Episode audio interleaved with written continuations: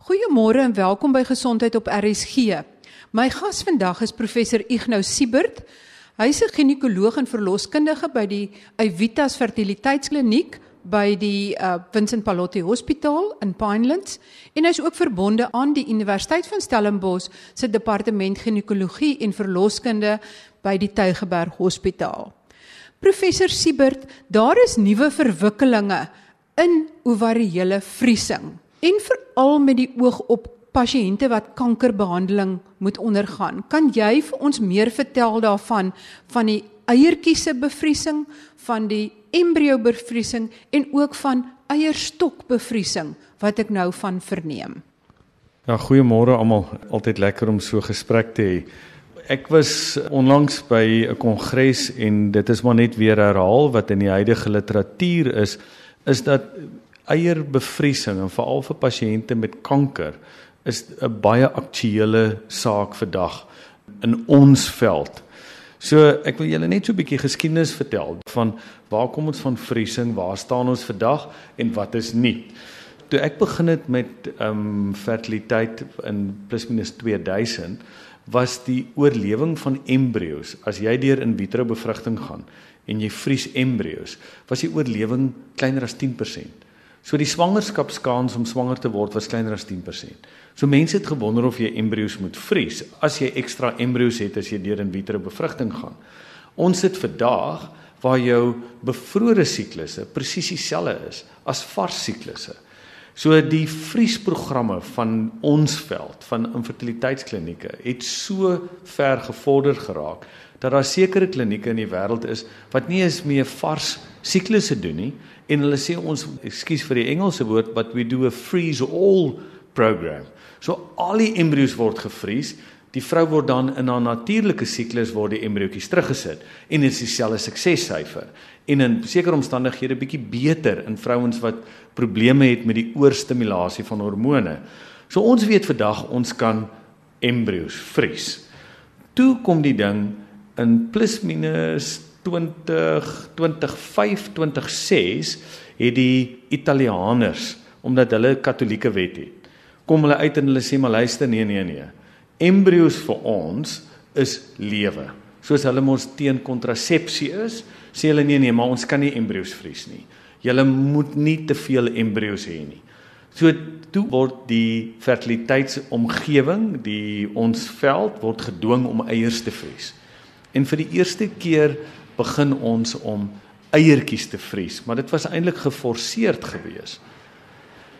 Nou het hulle gegaan en die Italianers het toe gesê maar jy gaan nooit meer as 3 eiertjies gebruik nie, want ons sit met een of twee embrio's daarna, sit dit terug en ons vries twee ekstra eiers.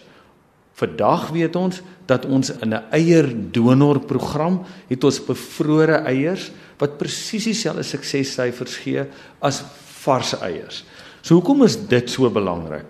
Ons kry byvoorbeeld en ek weet daar was al 'n vorige gesprek daaroor waar ons 'n vrou het wat plus minus 35 jaar oud is, sy het nog nie die regte man ontmoet nie en sy raak bekommerd want ons weet ouderdom speel 'n baie groot rol in ehm um, vroue uh, se verwagting om te kan swanger word en dan by plus minus 35 dis 'n internasionale ouderdom dan kom ons in ons vries haar eiers. As ons by haar 10 tot 15 eiertjies gevries het, kan ons haar amper 'n waarborg gee dat sy met daai eiertjies, as sy vorentoe die regte man ontmoet, met daai eiertjies wat sy op 35 gevries het, dan kan swanger word. So ons het nou gegaan van embryovriesing toe eiervriesing wat ons bietjie gedwing was deur die Katolieke. Ons is nou op die oomblik by sosiale vriesing waar mense dan nou kom en sê maar luister, ek het nog nie tyd vir meneer Reggie of ek het hom nog nie ontmoet nie, kom ons vries my eiers. En dit het toe dan nou ook oorgespoel na vries van my eiers as dit by kankerpasiënte kom. Hoekom is dit so belangrik? Ons weet dat as jy sekere chemoterapie kry, vroue met ovariële kanker, vroue met borskanker, as jy chemoterapie kry daarvoor, dan vernietig ons potensieel die eierstok se reserve. So nou gaan ons en in die proses voordat hulle met die chemoterapie begin, stimuleer ons die eierstokke net soos ons dit in die in vitro bevrugting sou doen. Ons haal die eiertjies uit en ons vries dit. So dit was tot in met amper die laaste 2-3 jaar was dis die enigste opsie vir iemand. So jy kon nooit weer jou eierstok se reserve herwin nie. Ons moes die eiertjies vries, net soos die sosiale vriesing waar jy op 35 jou eiertjies laat vries, het ons dan nou hierdie pasiënte voor hulle kankerbehandeling kry, het ons hulle eiertjies vir hulle gevries. Ek wil net sê ons moet terugkom na die man ook. So ek gaan net nou die volgende stappie vat. So toe sien vraag ontstaan maar okay, ons kan nou embrio's vries, ons kan eiers vries by keuse of ons noem dit sosiale vriesing. Of die volgende een is dan nou vir alle pasiënte wat deur kankerbehandeling gaan wat potensieel die eierstokke kan vernietig, ons kan hulle eierstokkies vir hulle vries. Maar is daar nie 'n manier hoe ons weer hierdie vrou se eierstokkie as hy beskadig is, weer aan die gang kan kry nie op 'n latere fase? En dit is waar jy dit so mooi genoem die ovariële weefselvriesing. Dis waar ovariële weefselvriesing inkom. So op die oomblik daar's nou 'n baie goeie artikel gepubliseer in een van die groot Amerikaanse joernale wat hulle sê maar eierweefselvriesing, die eierstok, die ovariële weefselvriesing is amper op die punt wat dit nie meer 'n navorsingsfase is nie. Dis nou amper 'n aanvaarbare terapeutiese opsie. So wat beteken dit? Tot nou toe het ons dan hierdie vroutjie voor sy haar vriesing kry, het ons die eiertjies uitgehaal want ons wil weet ons het eiertjies en dan het ons gegaan het ons het die helfte van 'n eierstok uitgehaal. Ons het hom in baie klein stukkies gaan sny. En dit het ons dan gevries. Presies dieselfde manier hoe ons die eiertjies vries, het ons daai weefsel gevries. As hierdie vrou dan oorleef het al haar kankerbehandeling deur en sy is skoon, sy's siektevry, dan vat hulle hierdie weefsel en ons gaan terug met 'n laparoskopie. Ons maak die eierstokkie oop, die kapsel van die eierstokkie en ons gaan plant hierdie weefsel weer binne in die eierstokkie in. En dit het dan weer eiertjies begin maak. Daai weefsel in die ovariële weefsel. Een van die eerste studies hierop was gedoen deur professor Henny Botha. Hy tans die hoof van ginekologie die departement ginekologie by Tygerberg en hulle het gegaan en hulle het hierdie ovariële weefsel in die vrou se elmboog in die binnekant van die elmboog gewrig gaan inplant en hulle het gesien dat hulle kon kry dat die eierstok weer begin eiertjies maak. So dis nou bietjie verder geneem. Ons plant dit nou terug in die eierstok in en hierdie vrou kan dan basies op haar eie wees swanger word. Die enigste probleem is omdat jy klein stukkies weefsel het, is die leefperiode van hierdie weefsel nie soos 'n normale eierstokkie nie en sal 'n mens potensieel 'n tweede en 'n derde of 'n vierde keer van hierdie weefsel moet terugplant. Maar ten minste het jy dan die opsie as jy jou nie jou eie eiertjies kon gebruik het nie of gevries het nie, dat jy wel weer jou eie eiertjies kan maak van hierdie gevriesde weefsel wat ons dan in die eierstok inplant. As ons dan kyk na die evolusie en ek wil dit net weer herhaal. Ons het begin by embrio's. Ons is goed met embrio's. Toe het ons gegaan na eiertjies as gevolg van die katolieke wet en ons is op die oomblik goed met eiertjies. En toe was die vraag, maar kan ons nie dan in die kankerpasiënte nie net eiertjies vries nie, maar kan ons nie weer vir hulle 'n normale ovulasie, 'n normale ovariële weefsel teruggee nie. En dis hoekom ons ovariële weefsel vries. En ons op die oomblik gaan nou 'n studie doen waar ons wil toets dat hierdie ovariële weefsel vriesing dat as ons dit ontdooi, dat die vriesmetode werk, dat al die metodes waarmee ons besig is, die uithaal, hoe dun jy die weefsel sny, as jy hom ontdooi en dan as jy hom ontdooi om te kyk is hierdie weefsel dan nog lewensvatbaar? Want ons weet as jy dit terugplant, is dit reg, dan sal die eierstok dit aanvaar, maar is die vriesmetode korrek om die weefsel nie te beskadig nie? So dis omtrent waar ons op die oomblik is met oorhele vriesing. Professor, ek neem aan dit is vir vroulike pasiënte wat nou nog jonk is, wat nog kinders wil hê, watter tipe kankers kry jy behandeling wat die eierstokke of die geslagselletjies kan beskadig? Ek neem aan dit is nie vir vroue wat eierstokkanker het nie of sal dit selfs vir hulle werk. As ons kyk na die tipe kankers, die klassieke kankers wat op die oomblik dit voor gebruik word, is vir borskanker. Ons kry baie jong meisies op die oomblik met beenkanker. Ons praat van osteosarkoom. Ons het nou die dag 'n 14-jarige dogter gehad wat gedink het dit was van die hokkiebal hoekom haar been so seer is, toe sy kanker van die been gehad. En so dit is die tipe van kankers waarvoor ons dit klassiek doen. Jy kan ook die eiertjies vries van ovariële kanker. Maar die weefsel is nou debatteerbaar. So want dit is mos nou in die weefsel wat die kanker is. So in daai geval sal 'n ou nie die weefsel vries nie. Die ander interessante kankers wat ons wat 'n mens moet voor oppas om die weefsel te vries is byvoorbeeld die ons noem die bloedverwante kankers, die limfome en die leukemie, want daai kankers is in die bloed, dit is in die weefsel. En 'n ou moet baie oppas dat as jy weefsel van daai tipe pasiënte vries, dat die kanker al reeds in die weefsel is. So dan gaan doen 'n mens as jy klaar gevries het voor jy dit terugplant, gaan doen jy toetse daarop eh, om te kyk of die weefsel kankervry is of nie.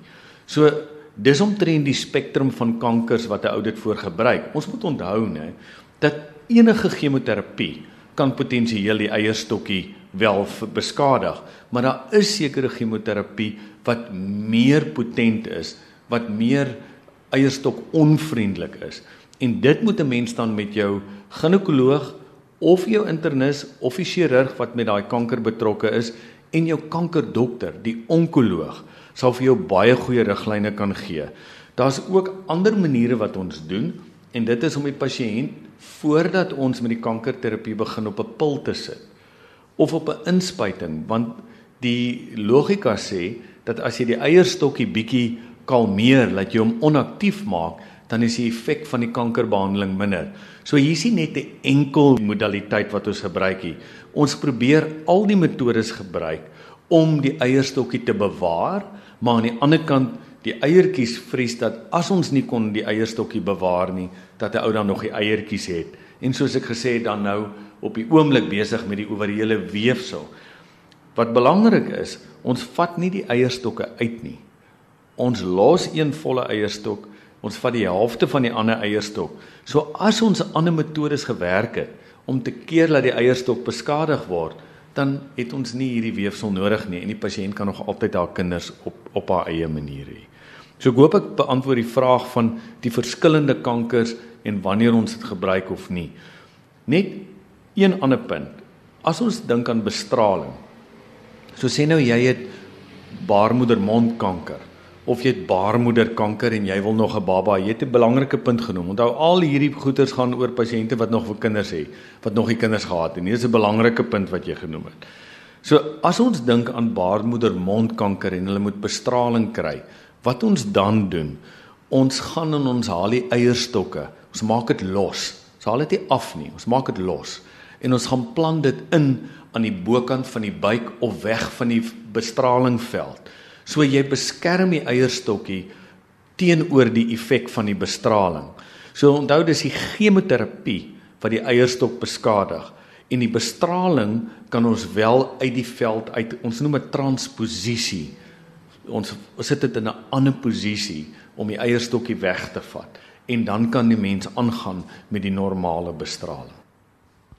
Met ander woorde dis baie belangrik dat as 'n jong vrou wat nog kinders wil hê, kanker het en sy moet bestraling of chemoterapie kry, dat sy beslis voor die tyd met haar onkoloog en haar ginekoloog en met almal wat betrokke is by waar babatjies vandaan kom, gesels voordat sy met die kankerbehandeling begin. Ja, ek kan dit nie meer duideliker stel nie. En as 'n ou dan nou daai punt verder vat, is presies dieselfde vir die man van toepassing. Net voordat ons by die man kom, onthou hy kom altyd tweede, is hoe werk dit dat as jy nou daai gefriesde eierstok weefsel terugsit in die oorblywende eierstok, hoe weet daai weefsel om nou te kodeer of sekere dinge te doen sodat daai eierstok weer aktief word? Die eierstok word nie weer aktief nie. Maar die stukkie weefsel wat ons terugplaat is omdat ons hom gevries het en ons sit hom terug, word daai stukkie weefsel aktief en hy maak die selletjies.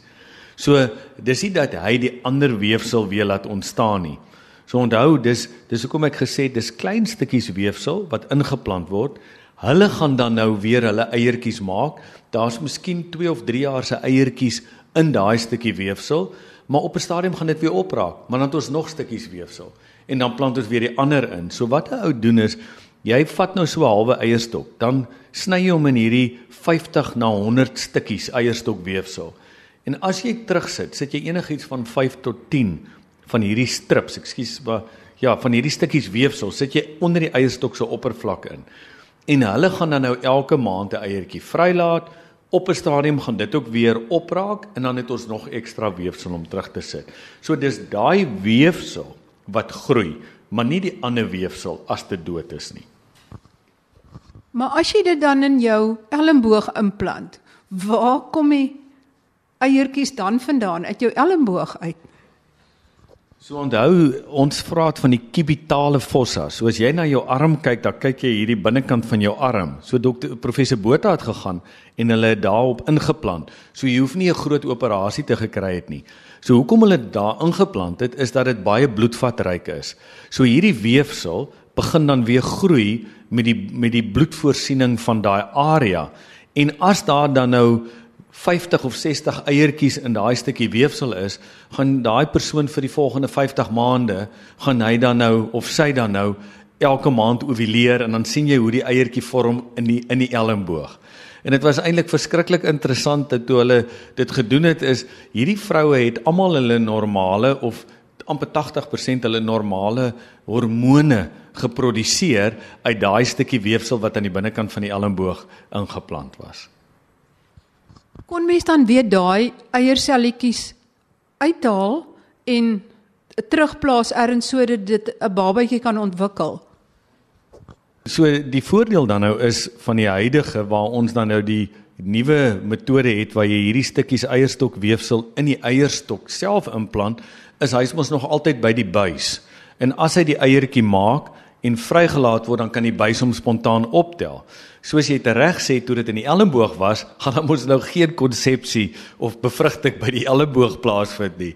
Maar jy kon hom potensieel uitgehaal het, soos wat ons in vitro bevrugting doen, buitekant bevrug en dit dan binne in die baarmoeder ingeplant het. Maar hulle sou nie op hulle eie kon swanger word by die elmboog nie. OK, en dan uiteindelik kom ons by die man. Hoe hanteer julle dit en is dit dan ook meestal chemoterapie of is dit bestraling wat die gamete kan beskadig? Ja, dankie. So ons kom dan ten einde by ons as mans uit. As ons kyk na die ehm um, vriesing van sperm. Uh is dit 'n dis eintlik iets wat baie nagelaat word. Ek weet ek en jy het net nou gesels oor iemand wat ons ken wat die persoon het kanker gehad en niemand het ooit met hom bespreek of om sy sperm te vries nie. En dis die eenvoudigste ding. Ek bedoel, ek weet ons sê altyd, bedoel dit is maklik vir die man om in te kom en sy sperm te skenk. Dis ook maar emosioneel, maar daar's geen prosedures betrokke nie. Dis 'n oeroue metode om die geëjakuleerde sperm te vat en te vries en dan wanneer jy eendag wil kinders hê en die, as jou sperm beskadig is of as jou testis beskadig is om dan daai sperm te gebruik. So dis eintlik vir my nalatig van ons as dokter se kant af met watter chemoterapie en bestraling van die van die pelvis as ons nie die man ingeluk het om sy sperme te vries nie. Die interessante hoek by die man wat op die oomblik uitkom is wat maak ons met die prepubertale man. So ons moet onthou 'n vrou is word gebore met al haar eiertjies. Maar by die man word die spermpie eers volwasse op puberteit. Nou is ons by puberteit, maar prepubertaal. Sê nou ek kry 'n kanker en ek is 7 jaar oud, dan die sperm wat ek in die testis het, is nog onvolwasse. En daar's nou nuwe metodes dat as 'n mens daai weefsel ook kan vries, laat jy 'n testisbiopsie doen en daai weefsel vries en dit dan later weer implant dat dit amper op dieselfde metode as met die ovarie dat dit dan weer kan sperme maak. En dit is nog baie in navorsingsfase. Dis nie iets wat 'n mens sal aanbeveel nie, maar dis net interessant dat daar wel hierdie probleme is by ons as mans, veral vir die jong prepubertale seun En dit lyk vir my in die volgende jaar of 2 dat ons op die punt sal wees om te sê maar luister, ons kan testes by opsies op hierdie jong seuns doen. Dit vries vir hulle en op 'n latere fase dan ook in die testes weer implanteer nog nie so ver gevorder soos met die eierstok ehm um, met die ovariële vriesing of die eierstok weefselvriesing nie, maar ons is op pad soontoe. En in sekere plekke soos in Israel, die Israelies is nogal baie ver voor met hierdie hele vriesing vir van onkologie pasiënte doen hulle dit al by die prepubertale kinders met die wete dat daar wel 'n oplossing in die volgende 2 of 3 jaar gaan wees. So hulle sê ons gaan daar kom, moenie die kind die kans ontneem nie. Ons kan nou die weefsel vries. Maar ons in Suid-Afrika is nog nie daar nie. So mense sal nog altyd sê dis 'n navorsingsfase in Suid-Afrika. Maar julle reken julle gaan so oor 'n jaar moontlik begin met uh hierdie tipe werk en die eierstok weefsel bevriesing. Het julle al daarmee begin of gaan julle nou daarmee begin? Ons het dit al gedoen soos ek gesê het professor Henny Botha het dit gedoen en hulle het dit toe dis 'n ander metode gewees wat hulle gebruik het. Ons twee tipe metodes. Eintlik goed jy vra daaroor. Daar's twee tipe metodes. Die een is slow freezing en die ander een is vitrifikasie. Nou hoekom die suksessyfer so goed gedoen het soos ek in die begin gesê het oor die embrio vriesing, die eiervriesing is die slow freezing is 'n lang proses, 6 tot 8 ure met 'n baie groot kans dat die weefsel beskadig kan word. Maar met die vitrifikasie is dit instinktief. Ek bedoel, dis binne 'n millisekonde wat jy daai weefsel in daai in hierdie vloeistof sit, is dit gevries. So jy kry nie hierdie langtermyn skade nie. Dis amper soos 'n mens nou kos in 'n vrieskas oor 'n lang periode dan word hierdie die kos is nie meer so goed nie. Maar as jy dit momenteel kan doen, het jy 'n baie beter uitkoms. Die hele nuwe vriesmetode is vitrifikasie. En ons is nou besig met 'n studie by ons. Ons het 'n jong wetenskaplike wat ons saam met die Universiteit van Stellenbosch, professor Henny Botha en ook professor Soeters hulle hier by Vincent Pelotti gaan ons vroue vat wat die borskanker geen het wat jy al baie oor gepraat het wat ons dan die eierstokkies moet uithaal gaan ons daai eierstokkies uithaal want ons haal in elk geval uit en ons gaan dit vries en dan gaan ons dit ontdooi. En dan gaan ons kyk hoe werk hierdie vriesmetode? Werk dit? En dan potensieel vir daai pasiënte nou nie in die borskanker pasiënte nie maar dan kan ons vir pasiënte met ander kankers aanbied om te sê yes Hierdie vriesmetode vir die ovariële weefsel werk en ons kan dit nou weer terugplaas binne in die eierstokkie.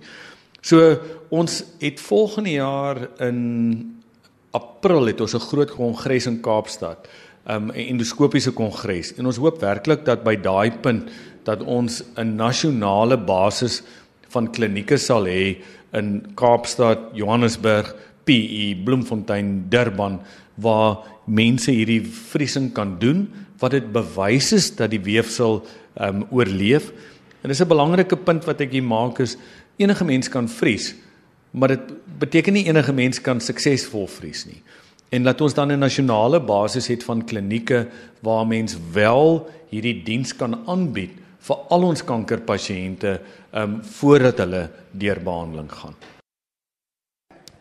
Professor Siebert, wat is jou kernboodskap? ons moet enige persoon wat nog kinders wil hê, enige jong persoon. Ons dink nie eens aan kinders en die kind wat op skool is nie. Enige persoon wat kankerbehandeling ontvang, moet ons met die onkoloog en met die dokter betrokke praat, maar is daar 'n moontlikheid dat dit my voorplantingsorgane testis of ovarie my eierstokkies kan beïnvloed en is daar 'n manier hoe ons dit potensieel kan bewaar. En ek dink dit is absoluut ons boodskap van vandag. In vandag se lewe is dit werklik die plek waarna ons moet gaan na gesprek en dan 'n besluit neem. Ja, daar is 'n opsie en dan gaan ons daarvoor of ons gaan nie daarvoor nie, maar dat die ouer of die persoon wie wie op die tafel voor jou is, op die stoel voor jou sit, dat daai persoon 'n keuse het oor hoe hulle vorentoe wil gaan en laat ons nie eendag sê maar ons moes nie. So ons moes met ons moet met elke elke kanker moet ons die vraag vra, kan dit potensieel my voorplantingsorgane beïnvloed? Daar is nog aspekte wat ons graag sou wou bespreek, maar ons laat dit oor vir 'n ander keer want die tyd het ons ingehaal. Baie dankie aan professor Ignou Siebert, fertiliteitsspesialis verbonde aan die Evitas kliniek wat by die Vincent Pallotti Hospitaal geleë is en hy is ook verbonde aan die departement ginekologie en verloskunde van die Universiteit van Stellenbosch se mediese fakulteit. Ons gesels volgende week weer gesondheidsake, moet dit nie misloop nie. Groete van my, Marie Hudson, tot volgende week. Totsiens.